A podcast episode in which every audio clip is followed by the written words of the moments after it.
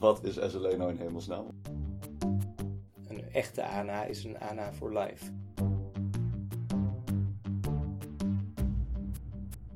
Oké, deze week gaat uh, het MKSAP over SLE. Dus ik zit hier met Maarten Limper, een van de immunologen in het UMC Utrecht.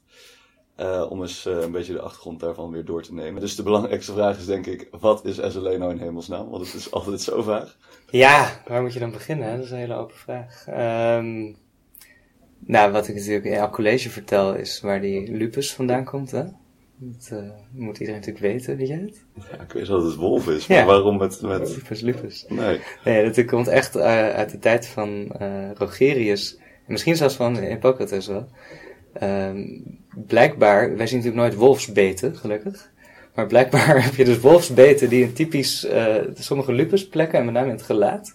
Dat zijn van die, je hebt veel verschillende cutane lupus soorten. Je hebt de echte discoïde lupus, maar je hebt ook een soort lupusplek met een soort geïndureerde, grote plek met een soort opgeheven rand.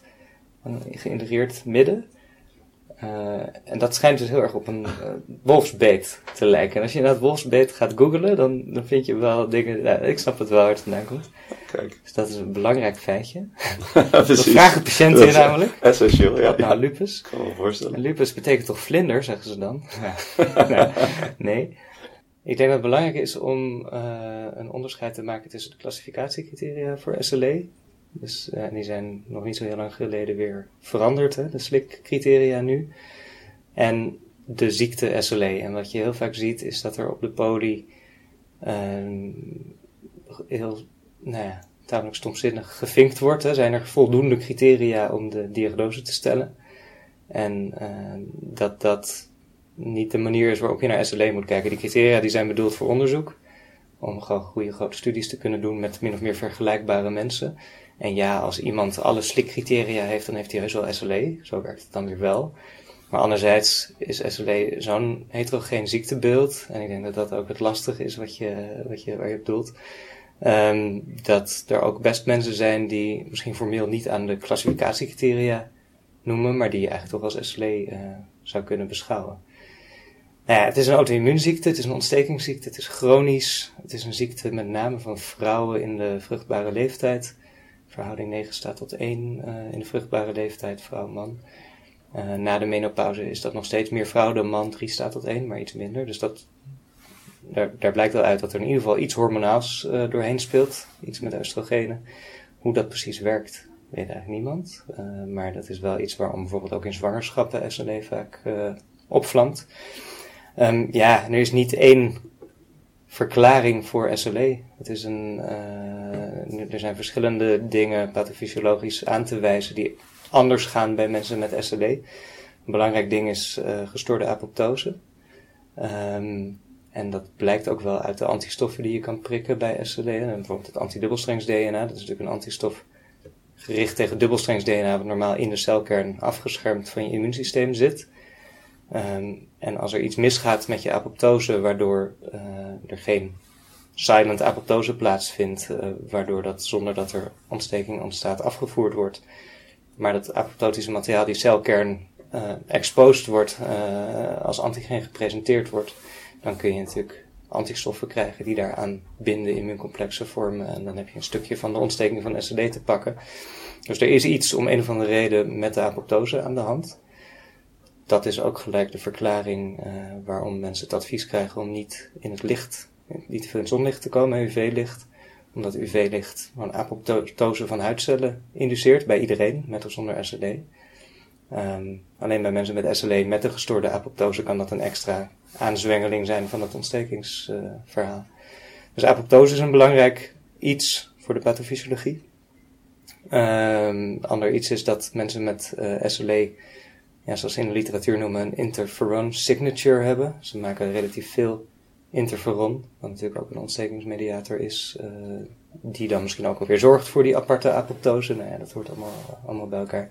Dat zijn de twee belangrijkste uh, pathofysiologische ondergronden. Naast natuurlijk ja, toch een genetische component.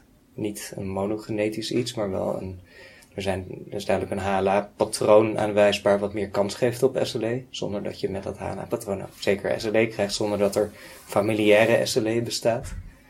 Ehm, dingen van buiten, uh, toxische stoffen, uh, virale infecties in het verleden, uh, allemaal associaties die wel bijdragen tot het ontstaan van SLE. En dat alles bij elkaar geeft dan uiteindelijk wel of niet een, een patiënt met SLE met inderdaad een heel divers klachtenpatroon allemaal vanuit de ontsteking. En, en wat is het beetje met natuurlijk beloop zoals je het zou verwachten zonder de behandelingen en met de behandelingen die we nu hebben? Nou ja, gelukkig kom ik niet uit de tijd uh, dat het natuurlijk beloop uh, bestudeerd werd. Nee, ja, ik denk op zich, kijk, SLE is heel divers, dus qua, het is een heterogeen beeld qua waar de ontsteking uh, zich per patiënt bevindt. En ook binnen een patiënt kan dat in de loop van de tijd natuurlijk veranderen. Maar er zijn wel mensen met een soort zwakke plek. Dus de een die krijgt heel makkelijk een, uh, een pericarditis als uiting van de activiteit. En de ander heeft uh, typische huidproblemen. en de derde heeft uh, gewrichtsontsteking. Dus dat loopt per patiënt anders en door de tijd wat anders. Um, en er is een enorme gradatie in ernst van de ziekte. Er zijn heel veel mensen, inderdaad, die mensen bij wie je een beetje moeite hebt om de diagnose te stellen. En die we dan als lupus-like disease uiteindelijk, uh, omdat ze niet aan die klassificatiecriteria voldoen, uh, inboeken. Ja, die hebben natuurlijk een heel ander beeld dan iemand met een, uh, een keiharde neuro-SLE. met insulten en psychoses en iemand met een lupusnefritis. Dat is natuurlijk een heel ander spectrum. Dus die mensen aan die kant van het spectrum, die, die ernstige beelden ja, dan is SLE een letale ziekte. Uh, en dat kennen we helaas wel vooral uit andere landen. Als je niet behandelt, gaan mensen toch wel dood. Ja. Met de lupus nephritis waarschijnlijk met name vanwege de cachexie en de infectieproblemen en, en misschien ook gewoon echt uh, terminaal nierfalen. En met de neuro-SLE ook vanuit een soort uh, totale ontsteking, wasting en op die manier. Terwijl die mensen met zo'n heel mild ziektebeeld, ja, die hebben vooral last. En die zullen niet zo heel snel progressie hebben tot uh, iets heel ernstigs met orgaanfalen. Ja. En de meeste mensen die zitten er een beetje tussenin. Terwijl de ergste, die zul je dus misschien juist wel makkelijker diagnosticeren dan dus de, de mensen bij wie je in de loop der jaren voldoende bewijs moet, uh, moet ja, verzamelen. meestal wel. Neuro-SLE is wel een apart hoofdstuk, want dat, ja, dat is ook een heel breed begrip. En dat kan een mononeuritis uh, multiplex zijn. Nou ja, dat komt meestal inderdaad wel redelijk snel boven. Maar dat kan ook een, een eerste psychose zijn bij een 19-jarige jonge vrouw die te veel uh, wiet rookt. Ja, is dat dan het eerste debuut van een schizofrenie of een neuro-SLE? En dan moet je een goede psychiater hebben die uh, denkt, hé, hey, maar dit is toch anders. En dat zijn subtiele dingen. Dus die mensen zijn vaak laat worden die gediagnosticeerd. Ja, ja. ja een beetje lupus nephritis, ja, dat uh, gaat meestal in ieder geval in Nederland wel redelijk snel goed. Ja, want het zijn natuurlijk, denk ik, bij ons op de keer in zoveel tijd um, de mensen bij wie je er wel aan denkt. Vaak zijn dat dan juist ook de mensen bij wie uiteindelijk volgens mij helemaal geen diagnose wordt gesteld. Toch de chronische vermoeidheid of de, de vage spieren- en gewrichtsklachten. Wanneer zou jij nou adviseren om wel echt door te pakken met de diagnostiek en dan in eerste instantie dus de ANA? Laten we zeggen iemand met spier- en gewrichtsklachten, maar zonder ook maar enige verdere afwijking in het lab? Hm. Nou, nee. Als het echt alleen maar. Kijk, er natuurlijk heel veel mensen hebben spier- en gewrichtsklachten. Uh, zonder dat ze een, een, in ieder geval een ziekte hebben die wij vast kunnen stellen, laten we het zo zeggen. Ja. Um, en het probleem is dat een, zeker een ANA, een ANA is knap beroerde testen, afhankelijk van de populatie waarin je kijkt, heeft uh, in ieder geval 5 en, en misschien wel 20 procent heeft een positieve ANA met een lage titer. Dus als screenende test is het heel slecht. Um, dus zoals bij elke test, maar zeker bij de ANA, moet je het alleen doen als je een gereden verdenking hebt en het je verder gaat helpen in, in die richting. Um, andersom, een negatieve ANA bij SLE is onwaarschijnlijk, is niet uitgesloten, maar dat is wel gek. Dus als je echt een vermoeden hebt op SLE, dan moet je het doen. Ja, wanneer heb je een vermoeden op SLE? Ehm, ik denk wel dat je iets objectiefs moet hebben. En dat kan een artritis zijn, dat kan een huidbeeld zijn. Dat kan natuurlijk wel toch een onverklaarde leukopenie, trombopenie uh, zijn, dat soort dingen. Of ontsteking in het lab, een hoge bezinking, een hoog CRP zonder infectie. Als er dan nog iets bij komt, ja, dan ga je wel die kant op. Er is natuurlijk ook een verschil naar mijn immunopolie en de algemene interne polie. Want die mensen die, die ik zie, daar is al iets mee. Dus de pre-testkans is al groter, puur omdat ze op mijn poli komen. Ja. Omdat ze al vaak door een internist elders gezien zijn, uh, of door een reumatoloog. Dus voor mij is het makkelijker om wel die ANA te doen, want mijn pakkans is groter. Door, Ja. de, door de stroom van, van patiënten. Maar ik denk dat de bottom line voor de algemene in- interne poli en de perifeer internist moet zijn dat je het alleen moet doen als je inderdaad een objectief iets hebt. Ehm, en dat mag ook wel een anamnestisch gegeven zijn, wat je niet op dat moment bevestigt als iemand die verder compulsmentis is, zegt dat hij enorme eh, orale afte heeft, eh, episodisch, maar nu even niet. Ja, dan zou ik, eh, en je denkt wel de SLE-kant, en die patiënt die heeft inderdaad wel gewrichtspijn waarvan je twijfelt of dat nou inflammatoire is of niet, maar het is wel opvallend en niet anders verklaard. Ja, dan zou ik wel een ANA doen. Ja. ja, want dat is een van de vragen die ik ook nog had. Ehm, maakt het dan vervolgens uit waar in het ziektebeloop je je testen doet? Met name dan denk ik ook aan je adem, maar ook aan je C3, C4. Als mensen dus bijvoorbeeld zeggen, ik heb één keer in de zoveel tijd hele erge gewrichtspijn of die afte, maar nu niet. Ja. Is dan nu een onhandig moment om een deel van de testen te doen? Nou, voor die ANA niet. Ehm, je ziet dat die antistofvorming, eh, die begint al jaren voordat er symptomen eh, zijn. Er zijn wel mooie studies in, eh, bijvoorbeeld van die grote militaire studies in Amerika. Waarbij ze hebben gekeken naar mensen die uiteindelijk diagnose SLE kregen. En dan terugkijken in het serum van die mensen eh, van jaren daarvoor. En dan zie je echt 10, 15 jaar zie je daarvoor, voor de diagnose, dus voor de eerste kliniek, zie je al dat er antistoffen komen. Eh, dus een ANA, maar ook echt een antidubbelstrengs DNA en een anti-SN. Nou, een hele batterij kun je dan al meten. En die gaan in principe niet meer weg. En die titers die fluctueren heus wel een beetje. En dat is ook een beetje testafhankelijk. Maar een echte ANA is een ANA for life, denk ik. Eh, dat zie je niet zoveel verdwijnen. En ook een antidubbelstrengs DNA zie je niet zoveel verdwijnen. Dus daar zou ik me niet zo'n zorgen om maken. Complement varieert natuurlijk wel veel meer. Ehm, als je het complement nodig hebt voor het stellen van je diagnose, dan heb je al wel veel moeite om je diagnose te stellen. Dus ik gebruik complement, ik prik het heus wel als ik echt aan SLE denk, maar ik gebruik het toch meer als een soort surrogaatmarker voor ziekteactiviteit. En dan nog steeds is de vraag hoeveel je er nou echt aan hebt hoor. Het is, eh, het is vooral dat het in diezelfde klassificatiecriteria opgenomen is en dat we daarom allemaal trouw doen. Mhm. Maar het is maar zelden dat een verandering in je complement echt leidt tot een behandelbeslissing. Ik zal trouwens die rest van de criteria gewoon even op de website zetten. Dan oh ja. kan iedereen dat makkelijk erbij pakken. Op het moment dat je dan vervolgens de diagnose hebt gesteld, is er dan nog andere aanvullende diagnostiek die je doet? Zijn er bepaalde veel voorkomende complicaties waar je meteen naar kijkt om het gewoon goed in kaart te brengen? Nou ja, in, in die eerste workup, als je echt aan SLE denkt, dan, dan ga je al heel veel dingen doen om nou ja, alles wat, wat binnen dat logischerwijs binnen SLE zou kunnen vallen om daar naar te kijken. Dus je doet in ieder geval een urineanalyse om te kijken of er voor een actief sediment is of er proteinurie is. Ehm, ik doe standaard eh, in ieder geval in het begin een keer een ECG. Om te kijken of er pericarditis is. Nou ja, meestal hebben mensen daar ook wel een verhaal van. Maar ook wel om te kijken of mensen niet toevallig als een keer een infarct eh, door hebben gemaakt. Dat doe ik niet zo snel bij een 18-jarige jonge vrouw. Maar zeker mijn wat oudere patiënt eh, vang je op die manier soms toch wel gekke infarcten al. Dus daar kijk ik wel naar. antifosfolipide antistoffen vind ik wel in de workup horen.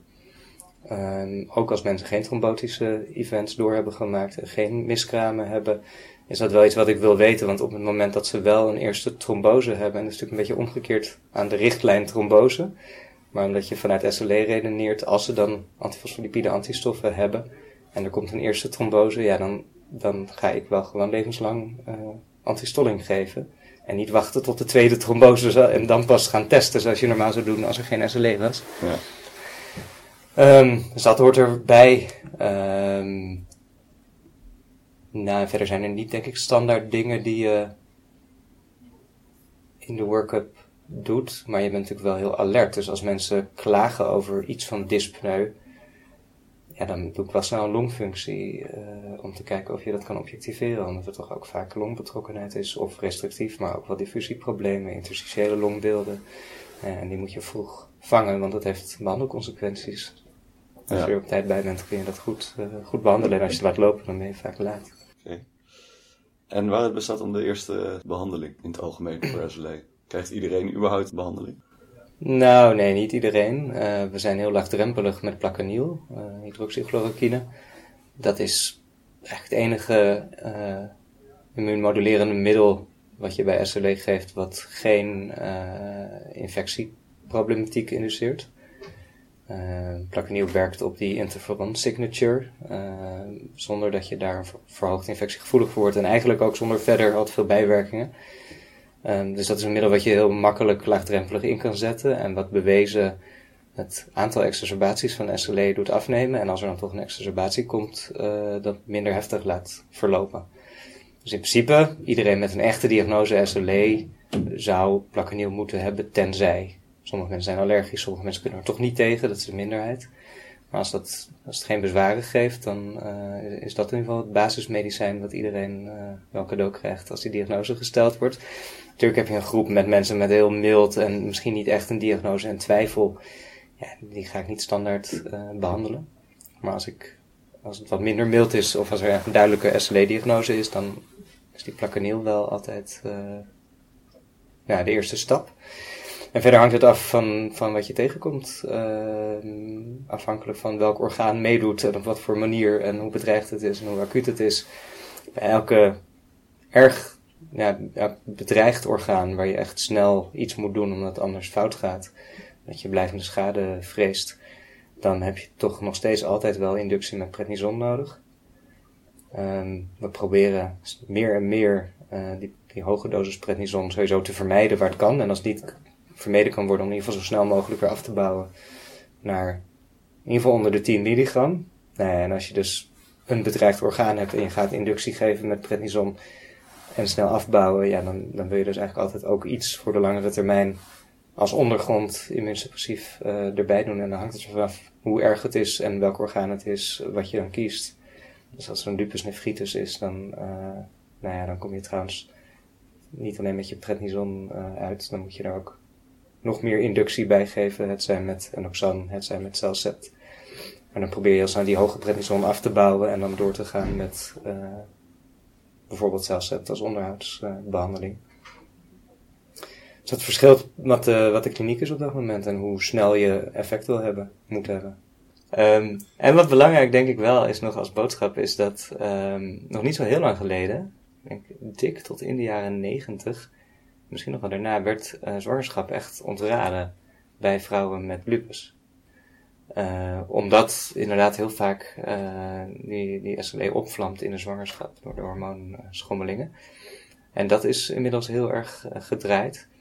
En wat blijkt is als de, die SLE in ieder geval een half jaar van tevoren, bij voorkeur langer, maar in ieder geval een half jaar van tevoren in remissie is, dat dan het algemene zwangerschap gewoon heel goed gaat. En uh, ja, het zijn wel allemaal begeleide zwangerschappen. Want je moet denk ik wel heel goed inspelen op, nou ja, als er opeens wat meer eiwitverlies komt. Je hebt natuurlijk sowieso een hoger risico op pre-eclampsie. Maar pre-eclampsie kan natuurlijk heel erg lijken op een lupus nephritis. Hmm. Hypertensie, uh, eiwitverlies, uh, nefrotisch syndroom op een gegeven moment. Dus dus dat moet je erg uit elkaar trekken. Dus er zijn wel mensen die we redelijk uh, strak begeleiden op de poli. We hebben ook een speciale poli daarvoor, samen met de gynaecologen uh, op vrijdagochtend. Um, maar als je dat goed monitort en mensen inderdaad van tevoren goed preconceptioneel advies hebben gehad, je goed hebt gekeken naar medicijnen die wel niet kunnen tijdens een zwangerschap en mensen goed voorgelicht uh, en dan goed controleert, dan gaan die zwangerschappen echt bijna zo goed, bijna zo normaal als een gewone ziekenhuiszwangerschap, zeg maar. En is het absoluut geen reden om, eh, om het te ontraden. En dat is wel iets wat uh, nog heel erg hangt bij heel veel patiënten, dat dat niet kan. En we hebben best veel patiënten die nu zo'n beetje eind 30 zijn, die opeens dan nu horen, hé, hey, maar het kan toch. Die, die dat helemaal afgesloten hadden. Nou, dat is natuurlijk soms heel dramatisch, want dan mag het wel, maar dan kan het niet meer. Ja.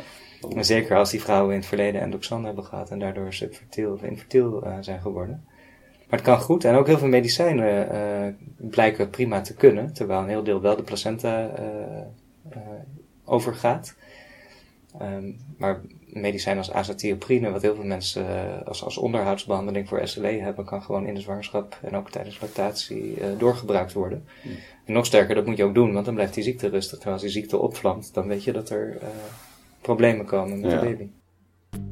Goed, en met uh, deze positieve boodschap wil ik eindigen. Uh, zoals gezegd, kijk ook nog eventjes op uh, medische voor een volledige lijst uh, met de SLIC-criteria. Um, ik moet ook alvast waarschuwen dat de vragen die we woensdagochtend gaan bespreken zijn erg specifiek. Gaat met name over follow-up van de SLE. maar ik denk dat met de informatie die is gegeven in deze podcast je een stuk de goede kant op moet kunnen redeneren. En dan komen we er samen verder wel uit. Dus tot dan.